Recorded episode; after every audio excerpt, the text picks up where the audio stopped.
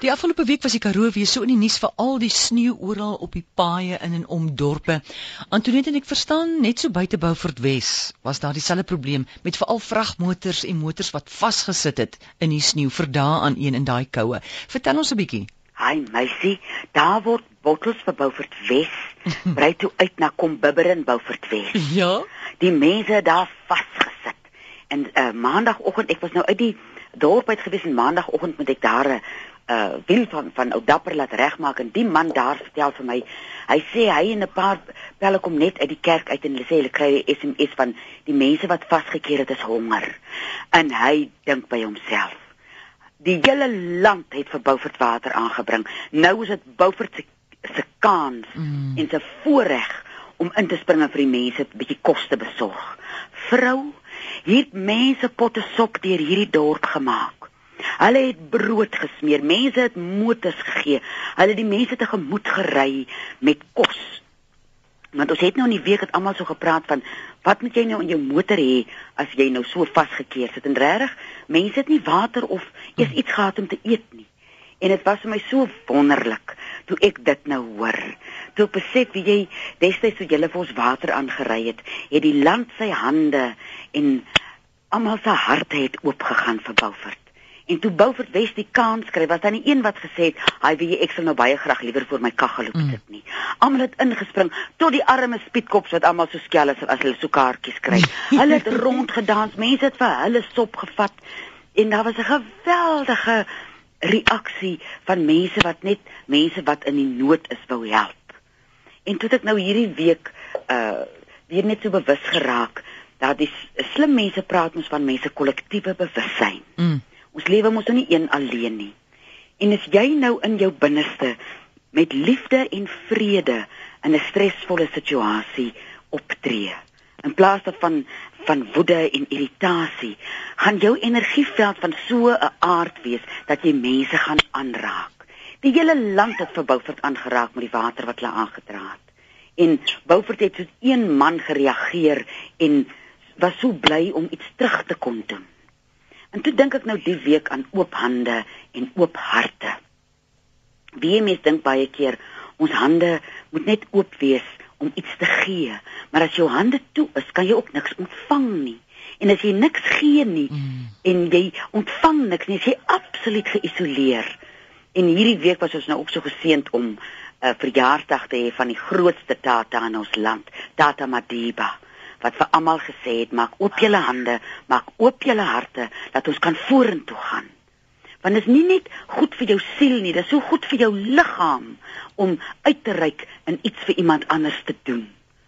As as 'n mens nou uh buite jou eie uh klein veldjie gaan waar jy nou gemaklik is en jy reik uit na iemand toe, is daar 'n energiebeweging wat na van jou af uitgaan na hierdie ander mens toe wat lig en vrede in daai mense lewe bring. En 'n mens se bloeddruk daal, die navorsing wat uh mense nou al gedoen het, sê dat as jy vir iemand iets goeds doen, dan daal jou bloeddruk.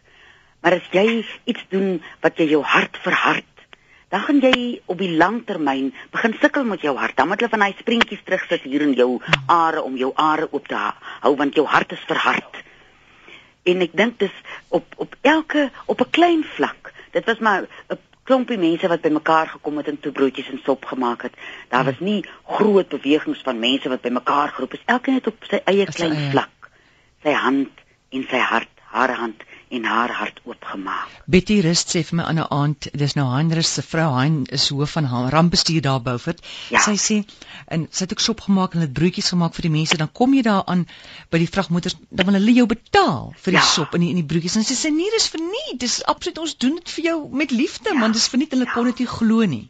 En dis so wonderlik toe ek nou vir my mamma vertel uh waaroor ons nou vanmiddag praat, sê sy ja my kind, ons met die Here se hande en sy voete wees op die aarde. Mm. En dis nou wat in Beaufort gebeur het. Mense het uitgereik en mense word aangeraak. Ek dink hoeveel mense in ons land word aangeraak deur Madiba wat mm. hy gedoen het toe hy in 'n posisie was om 'n oop hand en 'n oop hart te gee.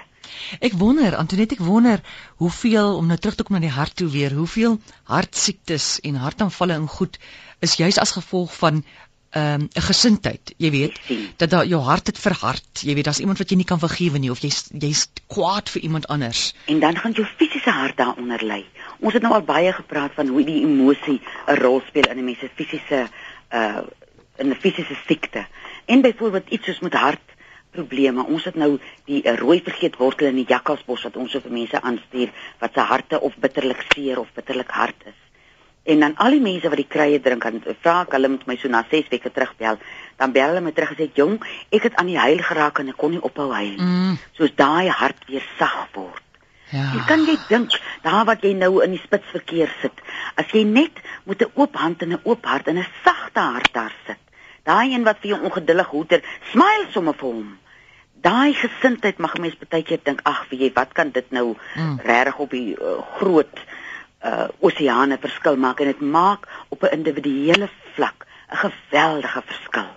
Net hier in ons klein omgewing toe ons nou met uitkom plaas toe hoor ons dat dit nou vreeslik gereën en my buurman Shaal Pinaar is aan die Angora bokke skeer en almal is maar bekommerd oor die bokke en ek is bekommerd oor ek kan uitkom. Hy stuur vir my sy voorman Jan met sy vol by vol om vir dapper leeg te lei en vir ons deur die water te ry. Hmm. En dit was so 'n heerlike gevoel van hy sit nou 'n uur en 'n half uit sy dag uit. Jan moes uit die veld uitkom en moes die mense daar los om die bokke bymekaar te maak. En dan dink jy nie aan tyd nie, dan dink jy nie aan ek moet nou net vir 67 minute uh goed doen nie. Goed doen nie. Dan is dit 'n ingesteldheid wat daai tweede myl soveel verder loop. Wie 'n mens voel so lekker. Ek het so toe Jan ons hier aangery kom en die honde kyk so verbaas en ons toe maar ons kom met 'n ander ry ding hier aan. Ons het amper 'n dansie gedoen hier op die werf want ons is nou veilig.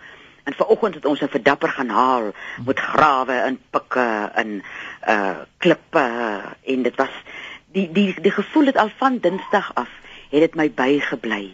En ek het heel week gevoel wie ek wens ek kan nog iets mm vir iemand doen. So dis is soos 'n suurdeeg wat deur ons samelewing werk en dis regtig goed vir jou gesondheid en vir jou liggaam. Ek wil net sê dapper is 'n bakkie. Ja, dapper is 'n bakkie. Antonie, dopa vir die dag? Die eng die dopa vir die dag is gaan nou hierdie naweek. Dan gaan koop jy vir twee avokados. Die een eet jy en die ander een sit jy op jou gesig. Ja? O, oh, mens kom soos 'n pragtige. Jou vel voel so vars en koel. Daar's 'n klomp vitamiene en olies en goeders in wat avokado het. Gaan lê daar iewers in die sonnetjie uh. en dink waar jy jou hand en jou hart kan oopmaak met 'n avokado op jou gesig. Vir hoe lank? Ag, ek gaan dit so vir 'n uur ophou, né? Nee? Jy weet 'n stadsmens kan nie eers vir 'n halfuur stil lê. Okay, in die ons plattelanders doen dit 'n uur, die uh -huh. plaasmense 3 uur en die stadsmense 10 minute. 10 minute, dankie, ons gaan ons bes probeer. Tata amore. Totsiens. As Antoinette Pinaar en jy kan kry by 023 416 1659 weeksaand dit is om 5 en 7.